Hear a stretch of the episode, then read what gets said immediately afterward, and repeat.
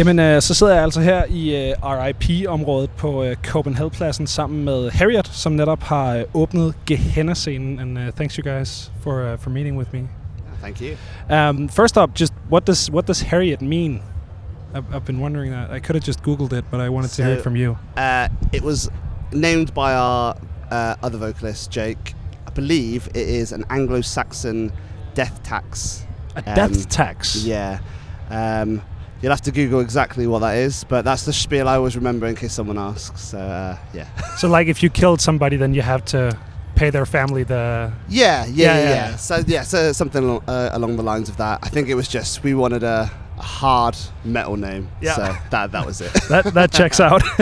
and we had the same thing in Denmark way back when. Where Yeah. If you killed somebody, you had to like give their family a cow or something, just to like make up for, for lost people. Um, being here at the at the Copenhagen uh, Copenhagen Festival, like for a Danish person, for a, a person from Copenhagen, like this this is something that's pretty special for us. I'd like to like hear from a British band, like what is what does being at Copenhell mean? Is this something that was on your radar radar, or is this like, or is this a show that you got booked for and then you found out it existed? I've known about the festival for a while. Um, like my top bucket list for for for being in a band was to do like the European circuit of festivals. Okay. So once once you once got getting the offers in, I, I was pretty chuffed, um, especially with this one being on there. So I like it's kind of. I guess similar to download that we have at home. So it kind of the lineup's always kind of similar, and it everyone kind of plays in the same month. But yeah, um, it's really cool to be here. Very excited.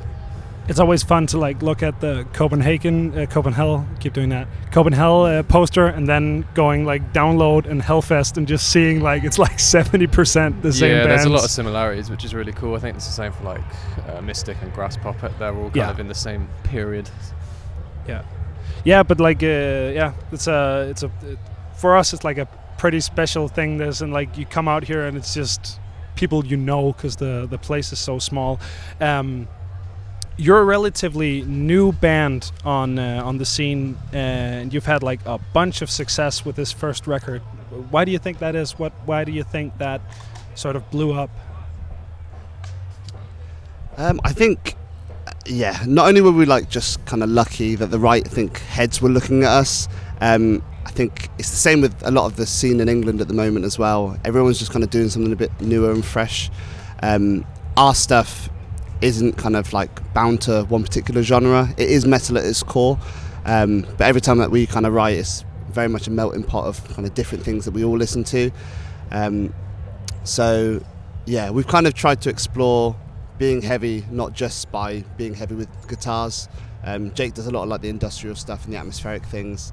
Um, so yeah, it's kind of like just yeah. I mean, it is hard. You know, you don't want to be kind of like up yourself about your own band. It's easier to talk kind of good about another band and explain why. But I, I, I think that's why. You know, a lot of the time that people speak to us, they say that our sound is unique or fresh. And we do try to do it, not necessarily intentionally, but because we listen to all different stuff and we don't kind of like red tape any ideas. We don't go, oh, well, this, this section has to be like this or, or like this. We're quite open to experimentation, so I think that's kind of worked well in our favour, really.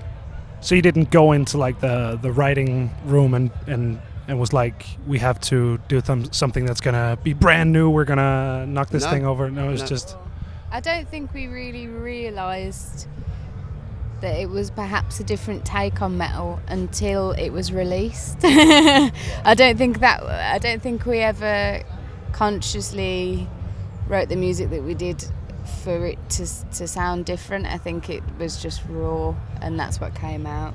Um, hopefully, that comes across the right way. That I've explained that. raw definitely comes across at least. Um, however, I, I was googling you guys, and, and this isn't actually the the first record you've put out as Heriot. It's the first record with this lineup, and there's a whole whole rebranding. Used to play like doom metal, something like yeah, that. that's right. Why why the full uh, full rebranding?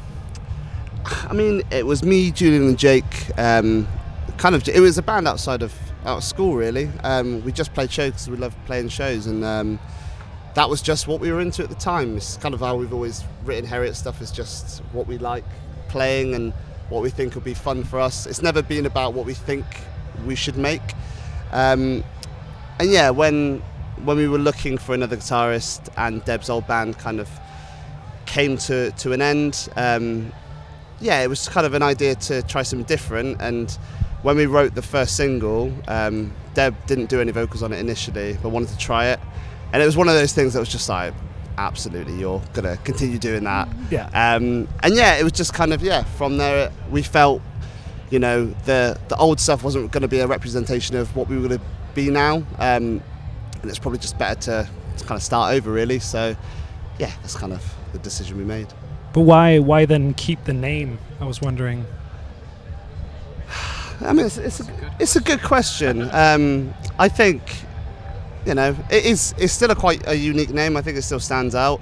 Um, and it was, I guess it was just a name we were familiar with, really. Yeah, I don't think I don't think that the original intention was to change the band. Like I think it just naturally happened. It was only ever a thought process for me to join Heriot rather than create a new band. So Yeah. All right. And to be honest, we never thought we'd be here. So there was never kind of like any future proof in it. It was just like, no, let's just keep the same name. No one knows who we are anyway. Uh, and we'll, we'll just yeah get Debbie in. We'll start making some music, and um, yeah, we're here now. So you didn't have like the big uh, strategic discussions yeah, I mean, of. Uh, it, it, it was always like absolutely, yeah, we'd love to play the biggest festivals and play, with, you know, meet some really cool bands and really cool people, but. You know, until every band. yeah, that's it. It's the dream for everyone, and like it was never anything that we we thought might happen. So you know, it's, yeah. I was uh, I was watching the show and uh, and and I was wondering who is the front person of Heriot. I don't know. I don't. I personally don't feel as though there is one, um, and I think that has its advantages because uh, I don't think any of us were born to be frontmen. I definitely wasn't. um, yeah, it's a weird one. We get asked that quite a lot, but I, I, I guess I enjoy that it's not all on one person. But th- Yeah. then I'll ask in a, in a different way: Does Heriot need a front person? I, I, I don't think so. Like you know, when we when we play live, I think we all bring our own different kind of elements as, uh, of a stage show. I mean, the vocal du- duties are kind of split, pretty much 50-50. Um, and yeah, we're there just to deliver a show. Um, you know, if we had one person without an instrument, then naturally, yeah, we probably would. But I think we, yeah, we, we all do our part to deliver a, a good, exciting show. Um, and I think that's really what is important. You know, you know, if the crowd aren't moving, we'll all do our bit to try get everyone going. So yeah. Yeah, and you guys just uh, opened up the Gehenna stage, which is like the core stage, I guess, here at here at Copenhell. Um, and what, what was that experience like? You you talked briefly before we opened up the mics that you're you're used to sort of opening up, and what was the experience like of, of opening up at like what 1:30?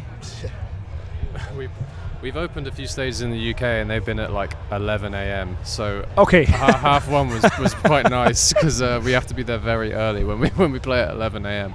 Um, but like yeah, we've not really done any outdoor stages until this run. So we did Mystic in Poland, which was the first one, and, and this one. So that this is our like second open air show. So it's kind of different. We're used to playing in tents, um, so it's kind of cool like to, to have these opportunities. Like this, it's probably the biggest stage we've played on, I think. So yeah, it was it was cool, and it was it really cool to look out and see so many people there at that time as well. Like you said, it's the first band, so uh, that doesn't always happen for the first band. So we're really lucky. I, I love speaking about this with, with hardcore bands, which is like at, at, at your core, when I listen to your music, I think like this is hardcore, but with elements attached. Um, what's it like playing these open air stages? Because like when I think hardcore, and I think when most people think hardcore, they think club shows, or at best they think tent shows at, at festivals.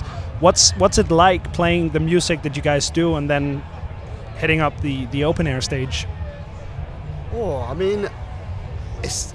I think it's cool. Um, yeah, it's just it's a different element for us for sure. It's, I mean, we've been absolutely blessed with beautiful sunshine, Yeah. no cloud in the sky. Almost too much Uh, sunshine. Yeah, yeah, yeah, a little bit, especially for us Brits.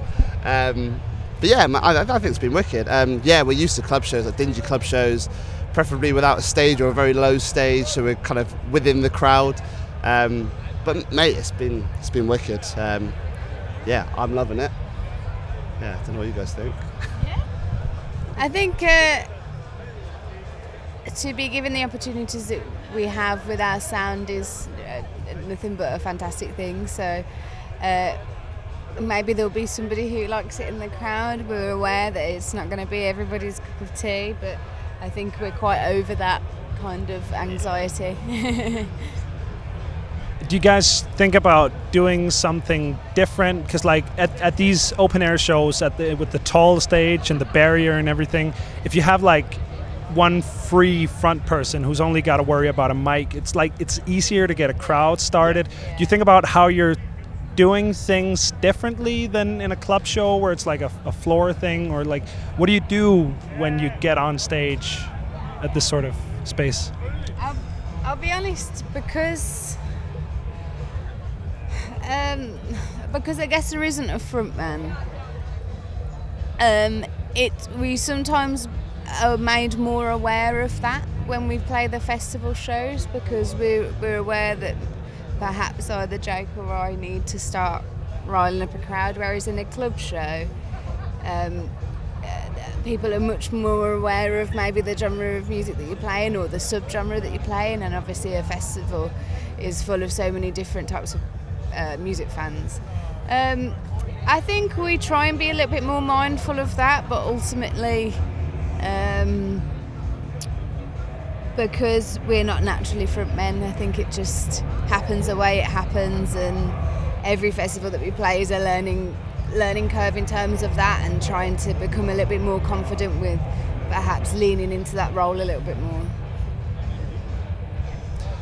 It. Um it seemed like you guys were having some issues on stage with the show with like the the sound what what, what went wrong that was me uh, very basic uh, should have tested one of my pedals and it wasn't plugged in fully uh, to ah. give it power uh, but hey yeah yeah you had issues with your SPD as well um, but it's one of those things like we quite often have issues but you know we play quite frantically things are going to get tugged and pulled yeah. out and like it's cool. I think we're we're very good at understanding the bigger picture. Like if I'm having an issue, I won't stop and get annoyed and look at someone to help me out. I'll just try fix it. You know, it's for the benefit of everyone. We're there to put on a show for people that have bothered to come out to see us. Yeah. And I don't want to let the rest of the team down by making it about me. Um, and we're, we're all very good at that. So, you know, it's one of those things, and we managed to get the crowd back in for the last tune and uh, and, and give it everything. So, uh, yeah, doesn't bother us too much, so it's all no, good. No. and you and you had some issues with the SPDS, which is running the backing track, right? Yeah, yeah. Um, I think someone came on to like uh, rearrange a mic and then just like pulled the cord on it, so I lost power completely. That's all it Classic. was. So legit, I was like, I've got no power, and they couldn't figure out what it was, but they just pulled the cable out annoyingly. Oh, so they came on to, to fix something and broke something else. But uh, these things happen. I mean, and it was like in like the last like I don't know a few minutes of our set anyway. So, but I mean, like again, like we're just there's no point getting angry about it. No, you no. Play it off, no. and the crowd probably think it's funny as well. So yeah, there's no point. Yeah, usually the only people who like get stressed out about technical issues are the people on stage. The crowd sure. doesn't give a yeah, shit ninety percent of the time. That's right. It's, yeah. it's so funny as well because we've had other festivals as well where uh, you can kind of tell because we're the first band on, they're kind of not not that it's happened here, but they've kind of used us as like almost like guinea pigs, and they're still kind of setting stuff up yeah. for like the other bands for the rest of the day. Yeah. So things will happen, but I think as long as we just keep giving it everything, that's what the crowd really wants. So yeah. Yeah, and like most of the time, I feel like if you have a technical issue and you like get through it, people will like like you'll win over the crowd even more because yeah. of it. They'll be like, yeah, that's it. We, we, we can just laugh about it. We smile yeah. at each other. Obviously, we make heavy music, but we're pretty smiley, happy people yeah. our course. So um, yeah, it's it's it's all right. It's all good. I, I was actually uh, surprised that you guys brought out the backing track and like had the effects with you live because I, I figure like when you're doing a run of shows like you guys are doing, why not go full organic? Like why not make it the easiest setup for you to bring bring with you? Well, it is still quite easy. We don't play to like backing tracks. Okay. Um, so the, the, the way it works, having the SPD allows us kind of the room to do things in our own tempo. Um, I mean, It's all triggered by humans still, so it's not like we're playing to. A quick Excuse me? It's, it's all it's triggered by humans. So it's all still. Yeah. Okay. I'm in control of, of the electronic stuff, and then Packer's got his noise rig as well to kind of. Yeah. So you don't have the full like spaceship standing out No, no, backstage no, with it's Yeah. still yeah. very much amps and a, and a sample pad. Yeah. Basically. I mean, it, it, it works for us. It always has done, and yeah, we can kind of change the tempo of what we're doing as we're doing it. Um, and I think for us, it just kind of helps us flow a little better. Um, so yeah, we're, we're, we're not there yet. I don't think there's any real rush to do that. We're, we're we're quite happy with the way we can do it, and yeah, it's it's an easy thing for us. Plug and play, and then that's it. Well, that's the only things we have to worry about. So. Great. How long are, are you, how long are you guys hanging around at the at the festival? Are you like off today, or do you have time to check out other bands here? Um, no, I think, I think we're gonna we're gonna stick out most of the day. We've got uh, got tomorrow off. Um, yeah, it's a bunch of bands. Honestly, I mean, I want to see Motley Crue just to say I've seen them. Um, got like Zeal & Ardor. You want to see Touche Amore? Touche Amore. Yeah. Um, Employed to Serve. Yeah, good friends of ours. Uh, Zeal & Ardor. We're gonna see Yeah. as well. Um, I think it's Def Leppard is headlining today. Yeah. I mean, Again, something like you'll see it, and then you s- you said you've seen it, and then that's that's pretty much it. Yeah. Yeah, I mean that, that that is honestly the coolest part about being able to play this festival is like, especially the slots that we do. It's Yeah. like, cool, you've done. And then you Wicked, that was just get the Now rest of the day whole off. just to chill, have a beer, enjoy the rest of the festivals, and see loads of cool bands that said she got a free ticket to see. So Yeah. yeah, it's all good. It's all good. nice. Well, I'll let you guys off the hook. Thank you so much for taking the time to uh, meet with me. Thank you. Thank you. Thank you so much for having us.